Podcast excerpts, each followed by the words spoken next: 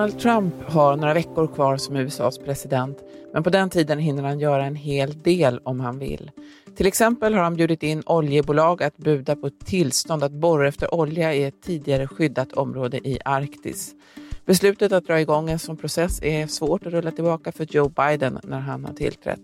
Kanske är det precis det som är poängen. Välkommen till Studio DN. Jag heter Sanna Thorén Björling.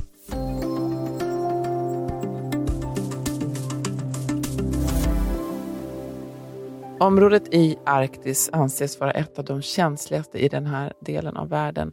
Arctic National Wildlife Refuge har en unik flora och fauna, men där finns också gott om naturtillgångar som olja.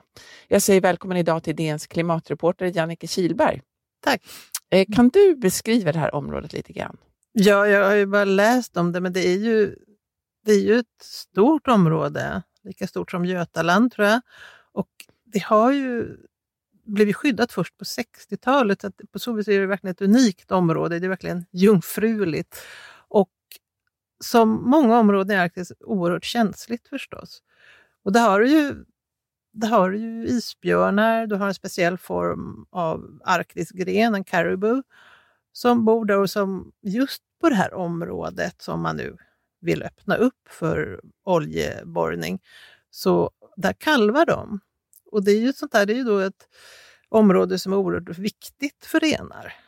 För att det, det är ju sånt, de migrerar oerhört långt för att komma till sitt kalvningsområde och har gjort det i många hundra år. Så att eh, händer det saker där så får det väldigt stora konsekvenser. Och sen har du det marina livet med valar och allting. Så att, och då har det varit skyddat så har ju både djur och natur och de människor, den urbefolkning som finns där, har ju levt väldigt stilla och i fridfullt.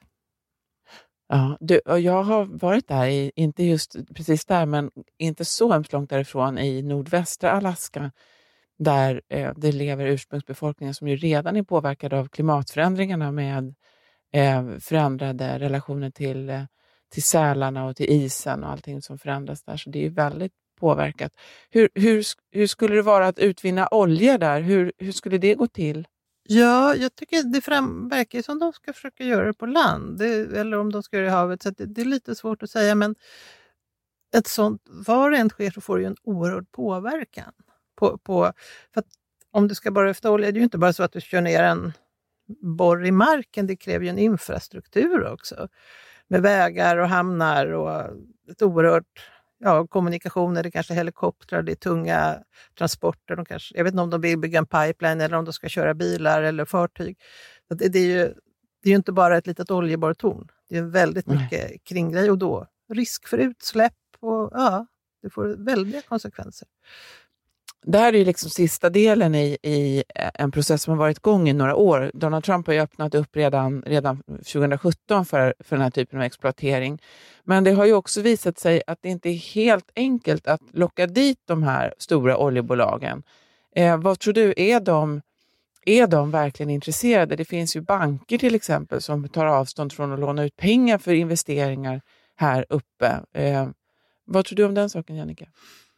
Mm, jag tycker den är lite svår att säga om, för att det, själva branschorganisationen där i USA, de, de har ju välkomnat ju det här. Men samtidigt så har du på andra håll, som i Norge till exempel, som öppnat nya områden i Arktiska hav, det är ingen direkt lönsamhet att få upp oljan. Och idag har du dessutom, just nu under coronakrisen, så hade vi ett oljepris i USA som gick under noll. Så att det, det kanske inte är så lätt att räkna hem det faktiskt. Alltså det kan också bero på rena, rent, rena kommersiella överväganden. Att det inte handlar om att eh, bolagen är, är miljövänliga utan att de kanske snarare vill, eh, jag tänker, tänker på lönsamheten.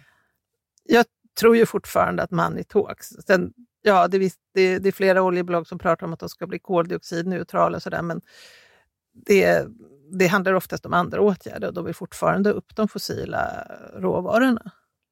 Just det. Mm. Jag vet eh, när jag bodde i USA för några år sedan så hamnade en stor oljerigg utanför Seattle i 2015. Det var Shell som skulle upp och eh, utvinna olja. Det var, det var ju då från vattnet. Det, det här var inte mm. i riktigt samma område, men det var i, i närheten och man, då utnyttjade man den stora hamnen i Seattle som den sista liksom, utposten innan man Mm. skulle upp i Arktis. Och där var det ju världens bråk. Det slutade ju med att Shell drog sig ur där. Eh, också för att man bedömde, tror jag, om det blir en olycka där i man kan bara föreställa sig att det är hårt väder och det är kolsvart ute mitt i vintern eh, och väldigt kallt. Det skulle vara, vad skulle en olycka eh, få för konsekvenser oavsett om, det, om den är till vatten eller på land?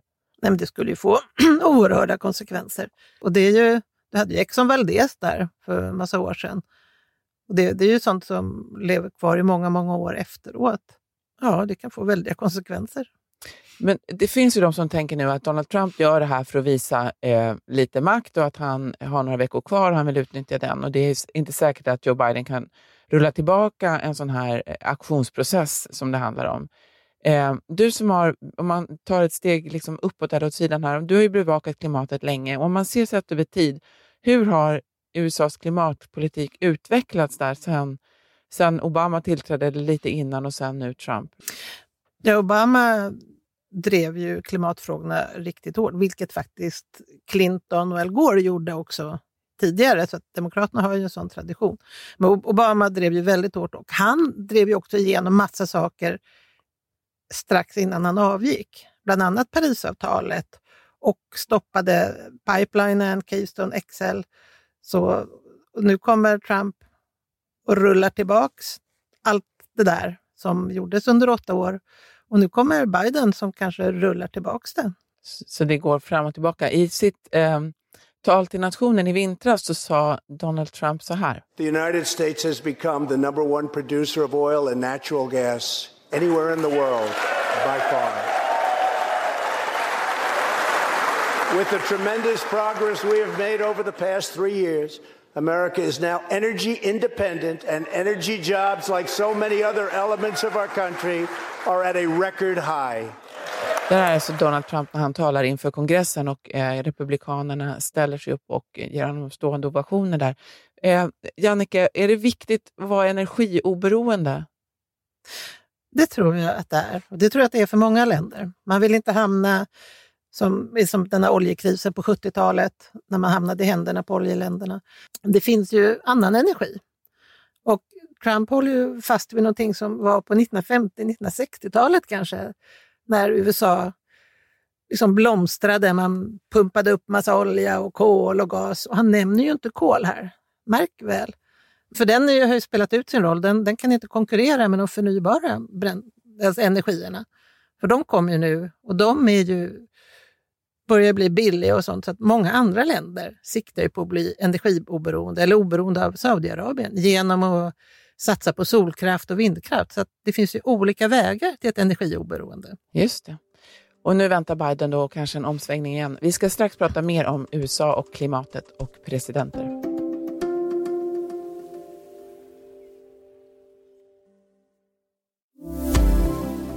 Vi pratar med DNs klimatreporter Jannike Kihlberg om USA och klimatpolitiken. Eh, USA har ju lämnat Parisavtalet. Har det fått några eh, konkreta konsekvenser av eh, en, eller att det beslutet? Nej, inte några, man kan inte säga att det har fått konkreta konsekvenser, men det har fått konsekvenser. Man, man kunde se, tycker jag, i slutet på förra året lite grann att hur, hur det liksom började bromsa in. Det fanns en frustration över att liksom världens näst största utsläppsland och världens största ekonomi inte är med. Och det var som man började obstruera lite och sen har du ju såna här länder som Australien och Brasilien som då det är liksom fritt fram för dem att bli lite mer så här klimatmotståndare. Så, så på så vis så, så har det ju betydelse och frågan är ju vad som hade hänt nu om Trump hade vunnit. Då tror jag att det hade kunnat få större betydelse. Just det, för då hade man räknat med att då hade man haft fyra år till med, på det här sättet. Nu vet man Mm. att USA vill gå in, återinträda. Är Mm. alla länder glada över att USA eh, vill komma tillbaka till avtalet? Det, det är ju svårt att säga. Jag skulle tro att de flesta är faktiskt ganska glada för det, utom möjligtvis då precis det här som jag sa, Brasilien och Australien. Men, men jag tror ändå att vetskapen då, det är accepterat att vi har en klimatförändring. Och det är ju Mm. svårt att inte märka den. Liksom. Så att det, det, jag tror ändå att de flesta välkomnar det. Och förhoppningsvis ny energi in i jobbet också. Just det.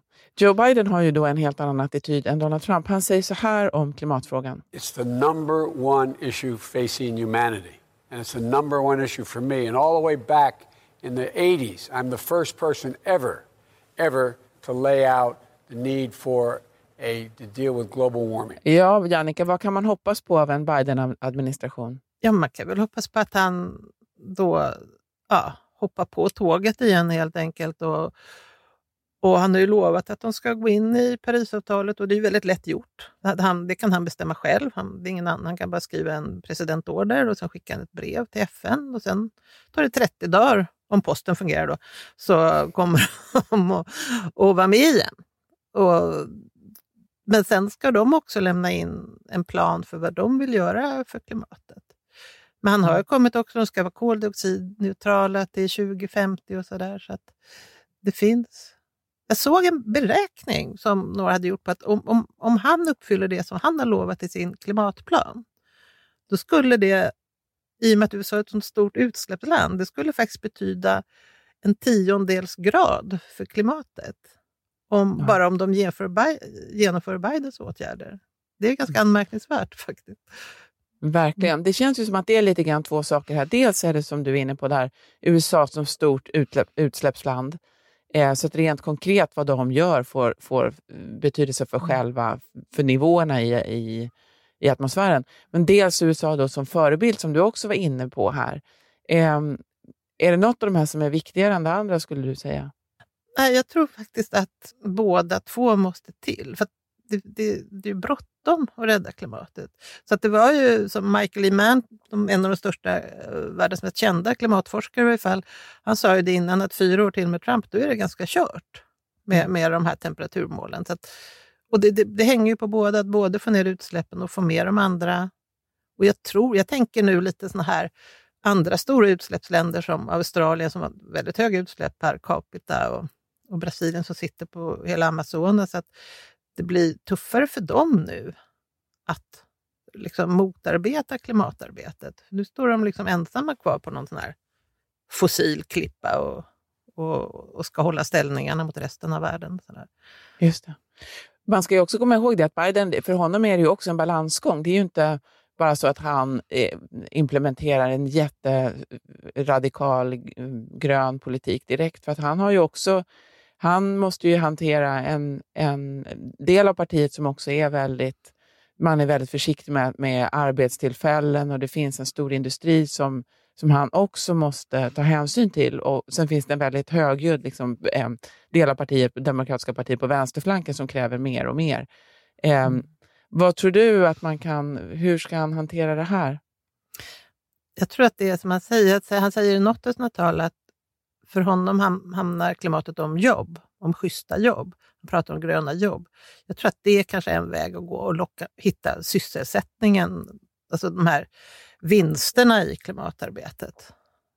Just det, och då gäller det att få med eh, opinionen på det också så att man inte förlorar människor på, på kuppen. Exakt. Bara lite avslutningsvis då, om USA vill vara med i klimatavtalet, är, är det möjligt att kombinera det med oljeborrning här uppe i Arktis? Eller sticker nivåerna iväg? Då bryter man av, med, mot avtalet indirekt i alla fall med ett sånt här projekt? Eller? Nej, man gör ju inte det. Alltså, Parisavtalet är ju väldigt speciellt. Det firar förresten fem år här om ett par veckor. Men avtalet är ju så att det bygger på ländernas egna åtaganden. Så det finns liksom inga förbud eller gränser. Och det är faktiskt något som man börjar prata mer om nu, som kanske är en brist i avtalet, är att det pratar ingenting i avtalet om hur man ska trappa ner utvinningen av fossila bränslen. Och det mm. är någonting som kommer växa. Det, det, den frågan, för det, det, måste man göra om man ska klara klimatet. Men då är det faktiskt en sak, så det, de kommer inte att bryta mot det, men Kamala Harris har ju faktiskt sitt klimatprogram som hon lade fram när hon var presidentkandidat. Då föreslog hon faktiskt det första internationella mötet för att diskutera hur man ska trappa ner utvinning av fossila bränslen. För det måste vi göra. Man behöver inte ha nya, man ska trappa ner de befintliga. Vi får säkert anledning att återkomma till det. Tack så hemskt mycket Jannike Kilberg, DNs klimatreporter. I morgon i Studio DN, var är risken att smittas av coronaviruset störst? Studio DN görs för Podplay av producent Sabina Marmelakai, exekutiv producent Augustin Erba, ljudtekniker Patrik Miesenberger och teknik Jonas Lindskog, Bauer Media. Jag heter Sanna Thorén Björling.